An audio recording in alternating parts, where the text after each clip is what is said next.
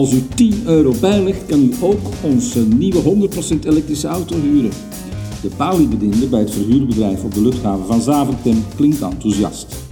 Dat is geen geringe prestatie, want het Italiaanse stelletje voor mij had hem net de huid volgescholden, omdat hun voucher niet in orde bleek te zijn. Dat had de man echter niet uit zijn hum gebracht, want hij prees de elektrische auto, een gloednieuwe Kia Niro, meneer, de hemel in. Moet u veel kilometers doen? vroeg hij. Ik schat zo'n 250. Van eh, hier naar Antwerpen, dan naar Herzelen, terug naar Antwerpen en dan terug naar Brussel.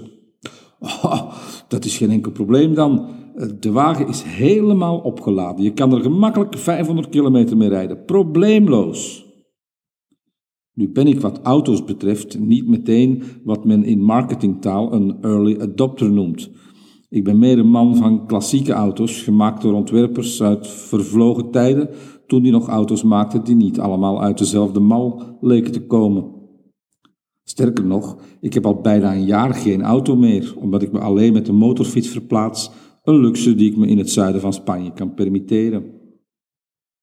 Maar het enthousiasme van de man werkte aanstekelijk. Voor slechts 10 euro extra kon ik voor het eerst de geneugde van de elektrische auto leren kennen.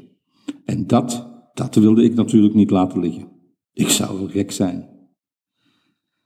En dus begaf ik me naar de aftandse parkeergarage door huurwagens op Zaventem luchthaven. Het is altijd hetzelfde geklungel om te kijken waar zich wat precies bevindt in zo'n auto waar je nog nooit hebt ingezeten. Ik duw dan geheid op een knopje waardoor de ruitenwissers, die van de achteruit inkluis, piepend over de droge ruiten schuren en zoek me suf naar het hendeltje van het licht. Ik heb ooit eens een auto gehuurd waar alle informatie op het scherm in het Pools was weergegeven.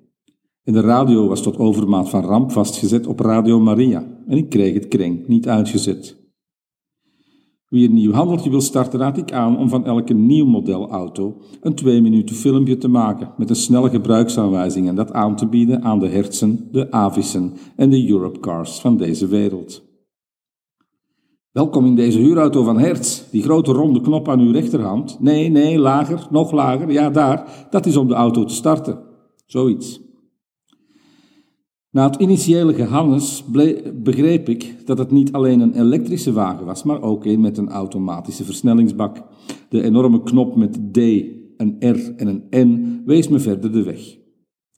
Tevreden bromde ik minuten later over de ring rond Brussel, op weg naar Antwerpen. Ter hoogte van de afrit Peuty merkte ik, merkte ik iets eigenaardigs op het dashboard. Een getekend autootje met een pijltje ernaast dat naar een elektrische stekker leidde en dat gaf 250 kilometer aan. Die opgeladen batterij die mijn nieuwe vriend aan de balie me had beloofd, bleek dus helemaal niet vol te zijn. In plaats van 500 kilometer kon ik slechts 250 kilometer verrijden. Op dat moment reed ik een laadstation van Snelnet voorbij. Dat stelde me gerust. Amper vijf kilometer ver en er was al een snellaadstation, vol met elektriciteit. Inmiddels zouden er in België immers op elke straathoek laadpalen staan. Ha, leven de vooruitgang. En dus zoefde ik geruisloos naar Antwerpen en later naar Herzelen. Met elke kilometer steeg mijn enthousiasme over dit wonder van techniek. Toen ik s'nachts terug aan mijn Antwerpse hotel parkeerde, zocht ik tevergeefs naar een laadpaal. Geen nood, dat doe ik morgen wel als ik in Lier mijn moeder ga bezoeken, bedacht ik me.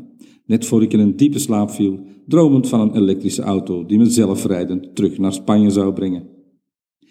In Lier was jammer genoeg de laadpaal aan de vismarkt al bezet en ook bij die twee aan het cultureel centrum bleken al auto's aan het infuus te hangen. Drie uur voor ik in Zaventem een vliegtuig moest nemen, vertrok ik uit Lier om onmiddellijk in een file te sukkelen. De auto verteerde dat gesukkel niet goed, want waar eerder stond dat ik nog 60 kilometer kon doen, voldoende om in Zaventem te geraken, verminderde dat optrekken en stoppen ziende ogen.